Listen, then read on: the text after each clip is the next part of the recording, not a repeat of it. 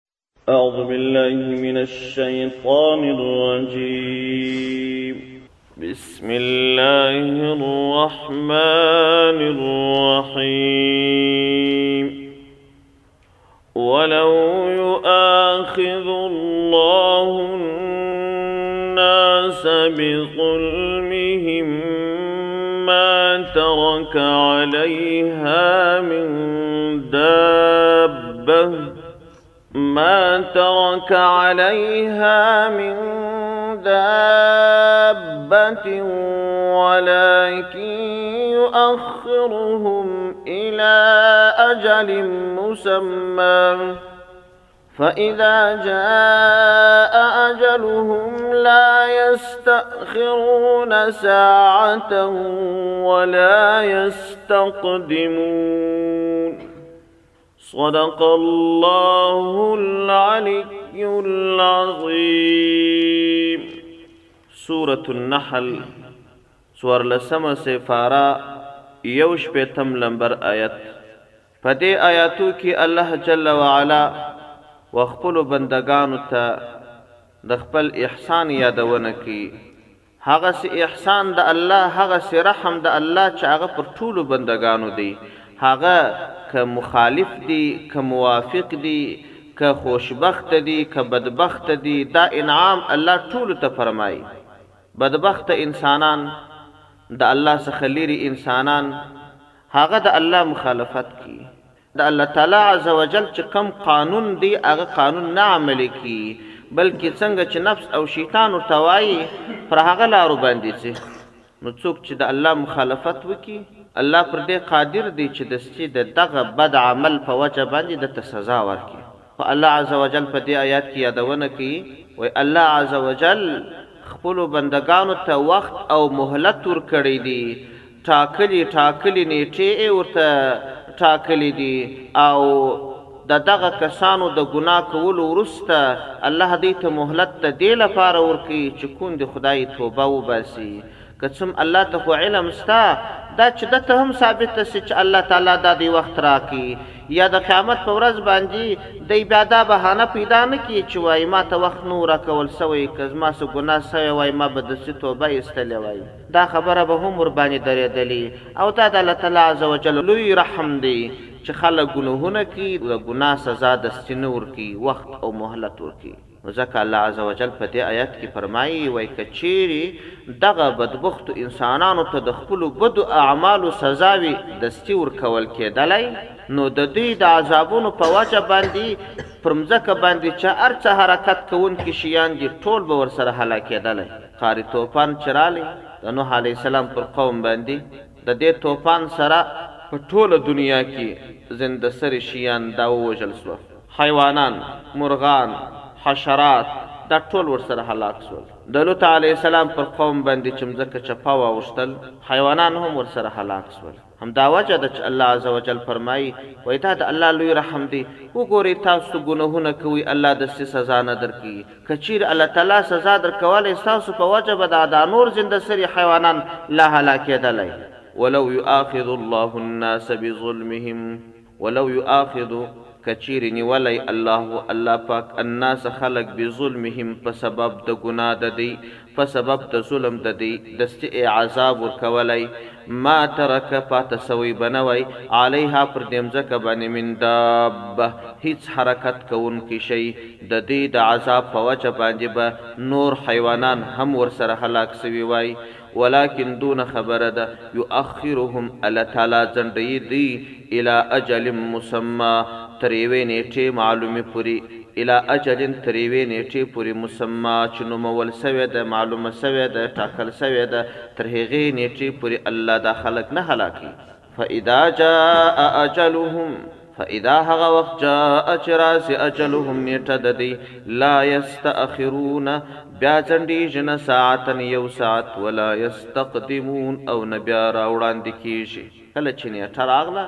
هغه وخت کې نو بیا نه دی ته د توبې وخت ورکول کیږي نه یې توبه قبلیږي نه یو ساعت را مخکې کیږي نه یو ساعت ورسته کیږي بیا به نو خامخا حالات وي همدا وجه ده چې الله وخت دوی ته ورکړی دی، پرېږدی توبه وباسی، په دې وروسته آیاتوکې به راشی، دا بعضې کفارو به و پیغمبر علیه السلام ته داسې ویل چې موږ خو اوس ډېر ښه ژوند لرو، وګوری ښه هوسا، استراحتمن، مال، اولادونه، ښه ښه نعمتونه، ښه خوشحالی، ښه هوسایی، دا ټول نعمتونه لرو، نو که موږ د الله مخالفین وای د الله به عذاب راغلی وای پر موږ باندې. دا چې په دنیا کې موږ داسې خوشاله او آباد یو د قیامت په ورځ باندې هم انشاالله خوشحالي زموږ ده جنت زموږ دی یا داسې نه ده یو چا که ګناه کول هر سړی پر خپل ځان علم لري که چا ګناه کول نو دی دې دا خپل زړه کې دا خبره محسوسه کړي چې زه ګناه کوم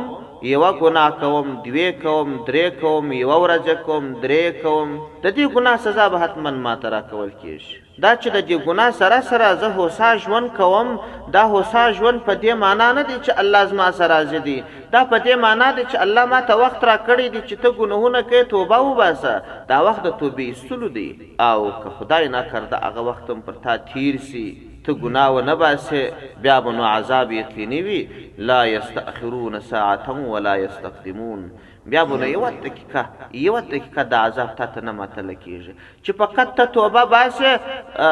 ملائکه به دې په خټو په خوله کې وولي وایي اوس تو د توبې د قبلېدو وخت نه دی دا دونه وخت چې الله درکړی و تا ولې توبه نه ایستل اول دې ګناه ولې کول څومرې دلایل الله درته فرمایلي و د دې دومرې دلایلو سره دې بیا ګناه وکړل مخکې آیاتو کې تېر سو ستاسو به په یاد وي قیامت په ورځ باندې به دا انسانان راجمع سي پر شیطان به عارض سي ورته وبه وایي چې شیطانه ظالمه تا ولې موږ دوکه کولو په ګنوهو دې اخته کوو اخته کولو. دی به ورته وايي، و ای بدبختو خلکو! تاسو پر ما ملامتیا مه وایاست، پر ځانو ملامتیا ووایاست، تاسو څومره کم عقله خلک واست، ستاسو ښه یقین و چې تاسو الله پیدا کړي واست، ستاسو ښه یقین و چې الله پر تاسو قادر دی، الله تاسو ته خپله طریقه او خپل قانون را استولی و، ستاسو یقین و چې دا د الله قانون دی. او د هغه قانون د سپیناوي لپاره یې ډول ډول دلایل هم تاسو ته راوړي وه. یو دلیل نه وو، دوه نه وه، لس نه وه، سل نه وه، په زرګونو دلایل الله په خپل مبارک کلام کې تاسو ته ویلي وه. داسې دلایل چې په سترګو لیدل کیږي، داسې دلایل چې په عقل معلومیږي، دا ټول دلایل تاسو ته موجود وه، د الله مخلوق واست، د الله مملوک واست، ټول هم په دې پوهیدلاست. مګر زه لکه لېوه لېرې تاسو ته ودرېدم، مازې مې اشاره درته وکړه چې دې خوا ته راسئ دا ګناه وکړه وکړئ. تاسو د الله تعالی د دې دومرې دلائلو سره سره تاسو د الله قانون پرېښوئ،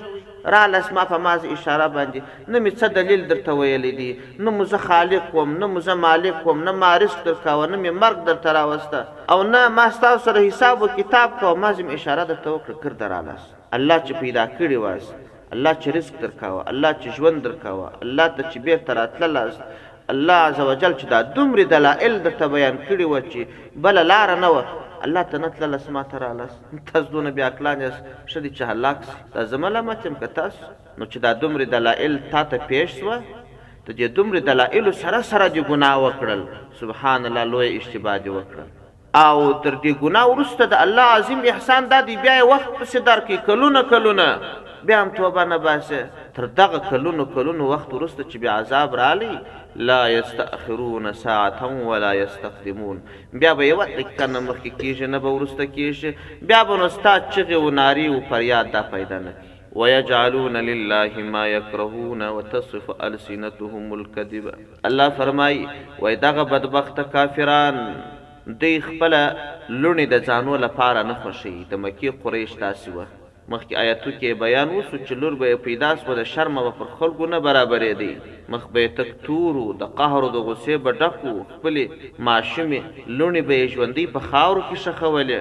دوی خپله د لوڼو څخه دومره نفرت کاوه او د بله اړخه څخه به یې دا خبره کول چی ملائکی د الله لوڼی دی دا خو څومره بدبختی ده خپله یو شی ځان ته نه خوښوی خپل خالق او مالک ته یی خوښوی خالق او مالک خو په حقیقت کی نه د دی شیانو ضرورت لری او نه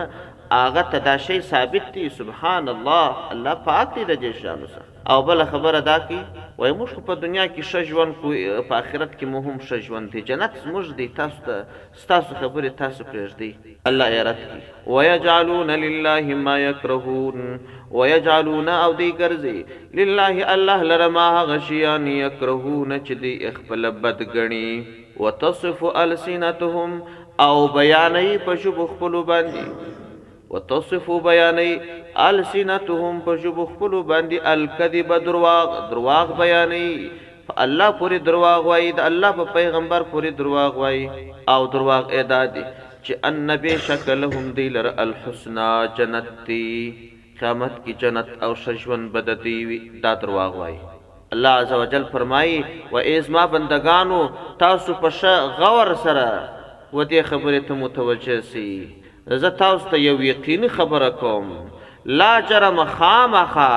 ان بېشکه خامخا لهم دوی لره النار اور د جهنم دی، خامخا او خامخا او يقيناً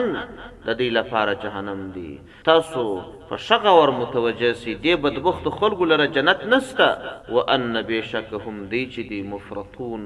تېری کوونکي دي، تر خپل حد تجاوز کوي، تېری کوي، حقیقت ته غاړه نه ږدي. تالله لقد ارسلنا الی امم من قبلک فزین لهم الشیطان، الله جل جلاله په دې آیات کریمه کې د حبیب صلی الله علیه وسلم تسلیت کوي، د سيد الکونين صلی الله عليه وسلم تسليت کی وه اې حبيبه دا چې ته دوی ته دومرې دلائل وايې د دې دومرې دلائلو باوجود چې دوی کفر کوي ته په دې غمګينه کيږه مه ستا په خوا چې کوم امتونه تير شوي دي هغو ته چې الله کوم پيغمبران راليږلي دي هغو پيغمبرانو به هم خپل قوم ته داسې دلائل بيانول بيا به هم قوم مخالف وو. قوم به کفر کاوه او ضلالت به يې کاوه، دا څه نوې خبره نه ده، هغه مهال به هم د شيطان پر لاره دوی روان وه، نن هم هغه شيطان د دوی ملګری دی. تالله په الله دې مو قسم وي، له خامخا قد په تحقيق سره ارسلنا موږ لېږلي دي الي امم امتو لره من قبلک چې مخکې در تا تېر شوي دي. فزين پس ښايسته کړی به وو لهم دوی لره الشيطان شيطان اعمالهم عملونه د دوی پخوا هم در تا امتونه تېر سوي وه، هغو امتو ته به هم شيطان خپل اعمال ښه ښکاره کول، شيطان به دوی ته ويل چي ښه روان ياست، ښه کارونه کوئ، سره د دې چي دوی به کفر کاوه. فهو وليهم، پس دغه شيطان دوست د دې کفارو دی، اليوم، نن ورځ، نن هم هغه شيطان دی دوی ته دا خپل کارونه ښايسته ښايسته ښکاره کوي، د الله د دين کارونه بد ورته ښکاره کوي، د شيطان پر لار اوس هم روان دي.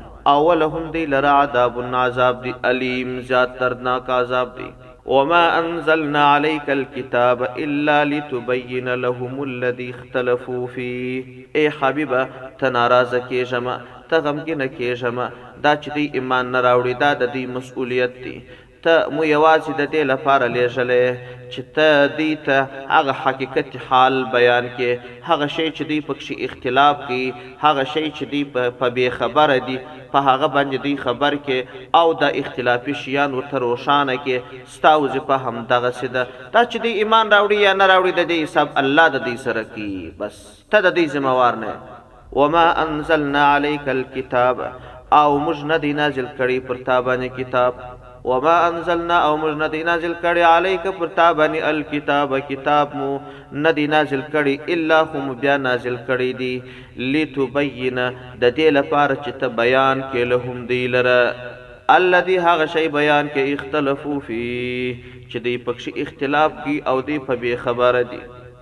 او وهدی هدایت دی دغه کتاب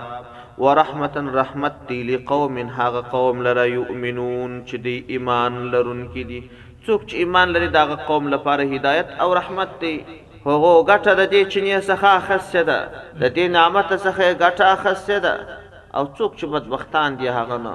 هغه نو خالي لاس دي د دې لوی نعمت څخه یې ګټه نه ده پورته کړې.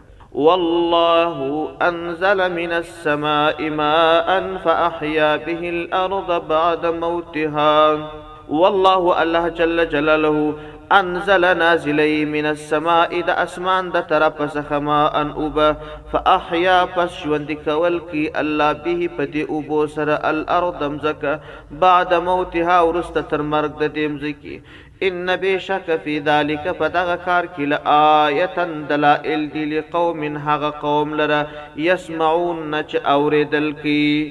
وګورئ تاسو نابینا مه جوړېږئ، کم عقله مه جوړېږئ، کم فکره مه جوړېږئ، تاسو ته چې کوم قانون رالېږلی دی، تاسو ته چې کوم پیغمبر رالېږلی دی هغه الله رالېږلی دی، الله هغه ذات دی چې د اسمان د طرفه تاسو ته اوبه وروي، تاسو وګورئ څومره عجیب ښایسته نظام یې دی. او په هغه اوبو باندې بیا مړه مځکه بیرته را ژوندی کړي ژمی شي مځکه مړه شي الله جل جلاله یې خونه ورباندې مسلط کړي په دې کې عجیبې عجیبې خبرې شته یو کښتګر چې پنځه جریبه یا لس جریبه مځکه لري دغه پنځه جریبه یا لس جریبه مځکه دی اړوي را اړوي ټکټر ورته راولي په غويو يې واړوي بيا اوبه ورباندې ويله کړي بيا تخم پکښې وکري، پلونه پنډلونه يې ورجوړ کړي او بيا امبارونه ډول ډول ورکړي بيا يې پوجانې کوي بيا نو د کال په پای کې ده ته حاصل کوي هغه حاصل يې دی خوري خرڅوي يې پيسې په جوړوي د ده په دا خپل عقل و فکر باندې خپل ځان او اولاد د غاړې دی دغه کارونه چې دی کوي په دې کې هم. د الله عزوجل عظیم قدرت دی، د ده اعمال هم د الله په اراده او د الله په قدرت تر سره کیږي. خیر خو په ظاهري لحاظ باندې ته د ده کارونه وبوله، په ظاهري لحاظ باندې. الله جل جلاله د دې ټولې مځکې اوسیدونکي چې یوازې انسانان نه دي، په میلیاردونو او بیلونونو حیوانان دي، د دې ټولې دنیا د حیوانانو لپاره دا ټوله مځکه او غرونه او دښتونه کري او ریبي. نه ټکټر سته هلته نه وې یوې و غوایي سته نه هلته کښتګر و بزګر سته نه هلته محافظ سته نه پنډل جوړونکی سته بلکې الله تعالی عزوجل په عظیم قدرت سره دا مځکه ټوله جوړوي کله چې ژمی راغی په ژمي کې پر دې مځکو باندې الله تعالی یخ مسلط کړي کله چې یخ مسلط شو د یخ د مسلطیدو څخه وروسته د شپې یا شبنم پر دې مځکه وشي او یا باران ورباندې وشي. د دې باران او د دې شبنم په وجه باندې دا مځکه ټول یخۍ وګرځېږي. بیا الله عزوجل ښه ښایسته لمر ورباندې راپورته کړي. لمر چې یې راپورته کړي دا یخۍ ویلي کړي او دا مځکه داسې چې راوخوړېږي، سربېره سربېره پورته پورته شي. بیا دا لمر خپلې شعاوې دننه ور ایله کړي د دې مځکې لاندې اړخو ته او خپلې انرژیانې پکښې ایله کړي، دا مځکه زوروره شي. وروسته بیا الله عزوجل بېرته باران پر ووروي، شیداره شول، زوروره شول. انبار ئې وخواړئ، دا د لمر شعاوې او د لمر له څخه چې کومه انرژي دی اخلي، په دې باندې مځکه ډېره زوروره سوه، باران وسو، د پسرلي لږ لمرونه چې راغلل، مخ د مځکي ټوله را شين سي، که غرونه دي که دښتونه دي ټوله را شنه سي، مړه مځکه يې الله يې را ژوندۍ کړي په دا اوبو سره. نو ته يوازې ځان ته انسانه حساب مه کوه، په دې دښتو، په دې غرو کي چې الله عزوجل څومره حيوانان پيدا کړي دي، حیران به ورته پاته شې. مېږان، خزنده، په دا مځکه چې وځي او ننوځي او حشرات، مرغان. تا خو عقل او فکر او لاسونه او پښې نه لري، غویی او یوې او ټکټر نه شي کولای.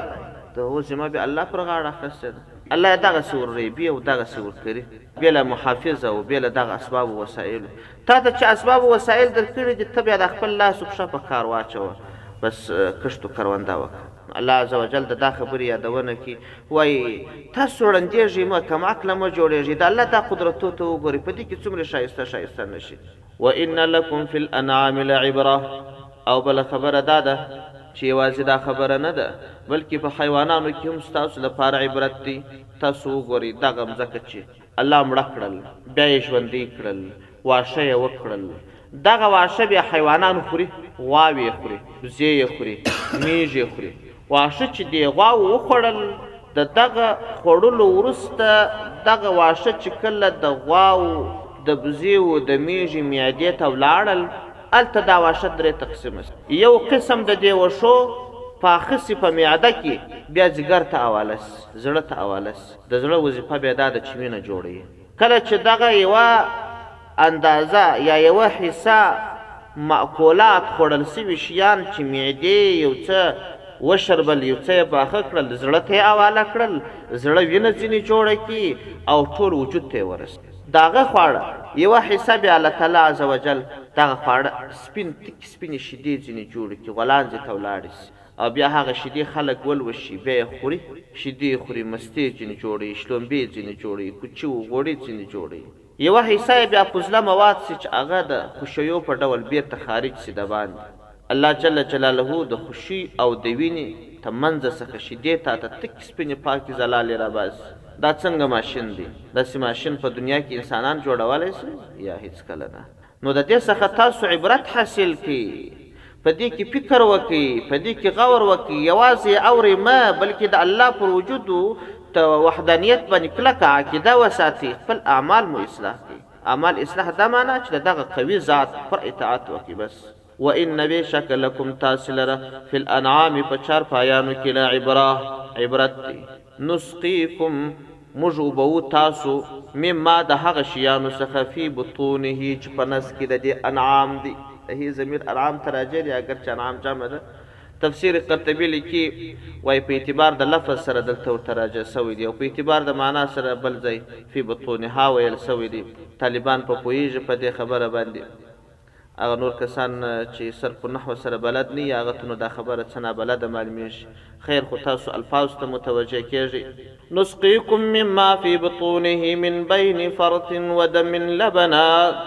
لبنا خالصا سائغا للشاربين نسقيكم موږ به اوبه ولکوو ستاسو مما د هغه شيانو څخه في بطونه چه په نس کي د دي حيوانانو دي من بين فرث د منځ څخه د خوشي و د من د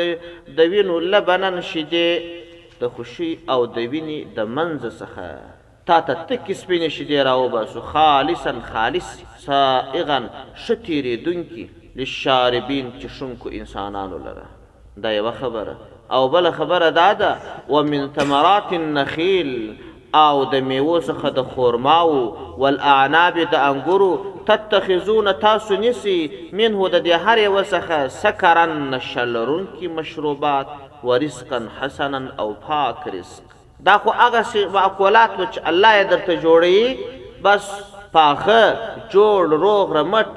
مأکولات دي بس خوره يې د شيدې داسې مأکول الله تاته جوړ کړی دی چې انسانان يې نسي جوړولی دا نور تمام خواړه چې انسانان پخوي په هغو کې به ځينې ويټامينونه يي په ځينو کې به نه يي انسان که يو مأکول خوري حتماً کيدای شي په جسد کې توفير راسي ځکه انسان ډول ډول ويټامينونو ته اړتيا لري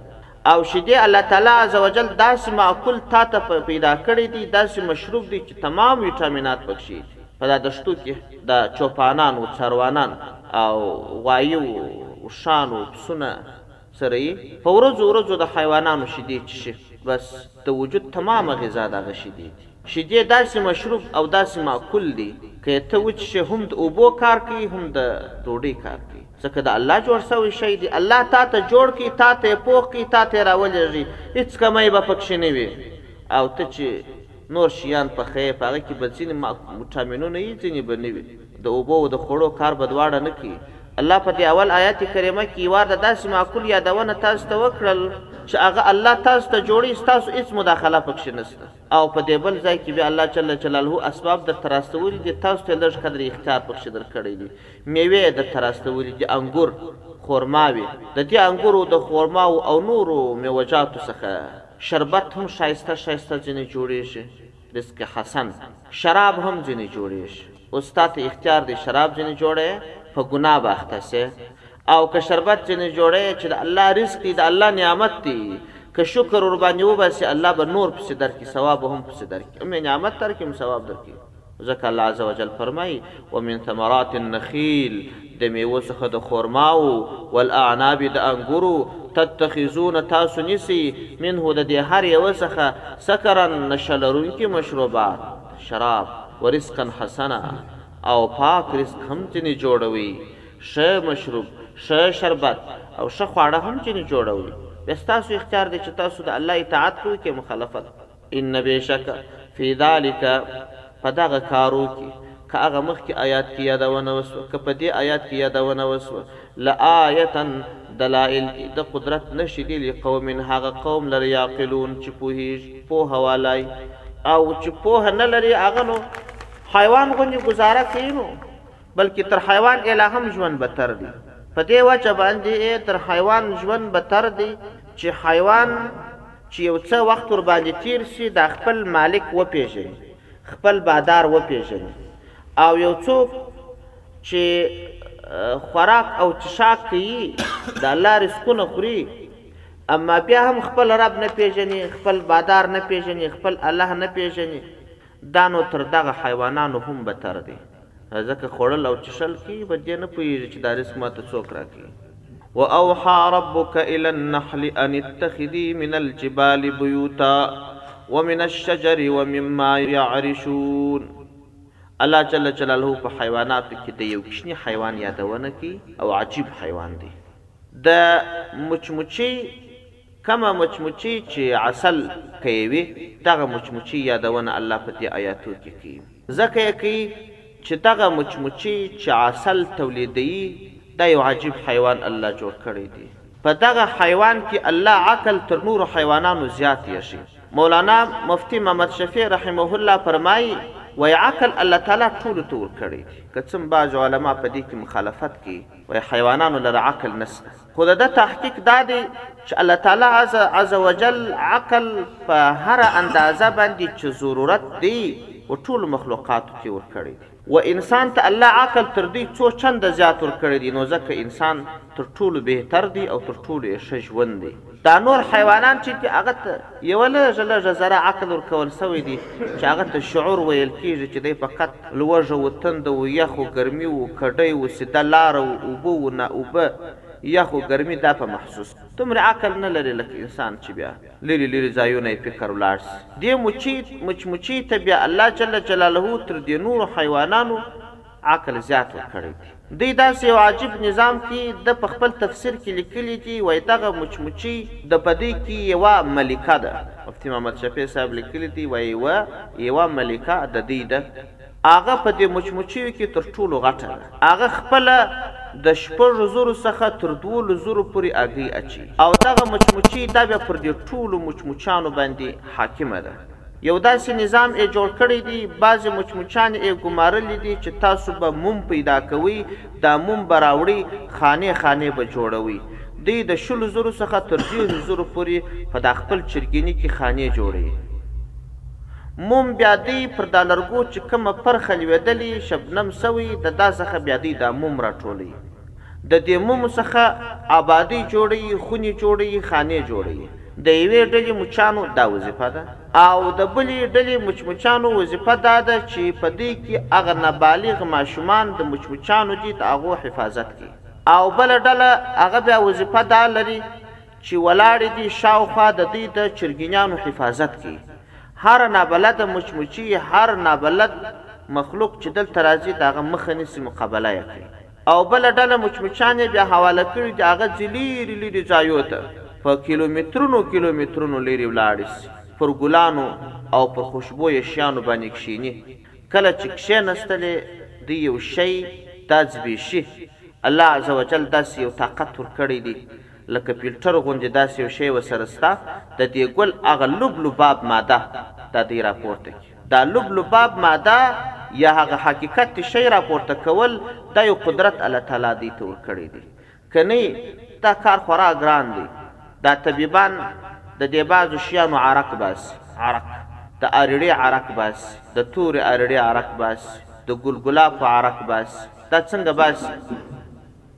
دا ما چی یو ځای لیدلی دی دا ګل ګلاب دا په اوبو کی واچی په غټ ديګ دا ديګ بيا ايشيي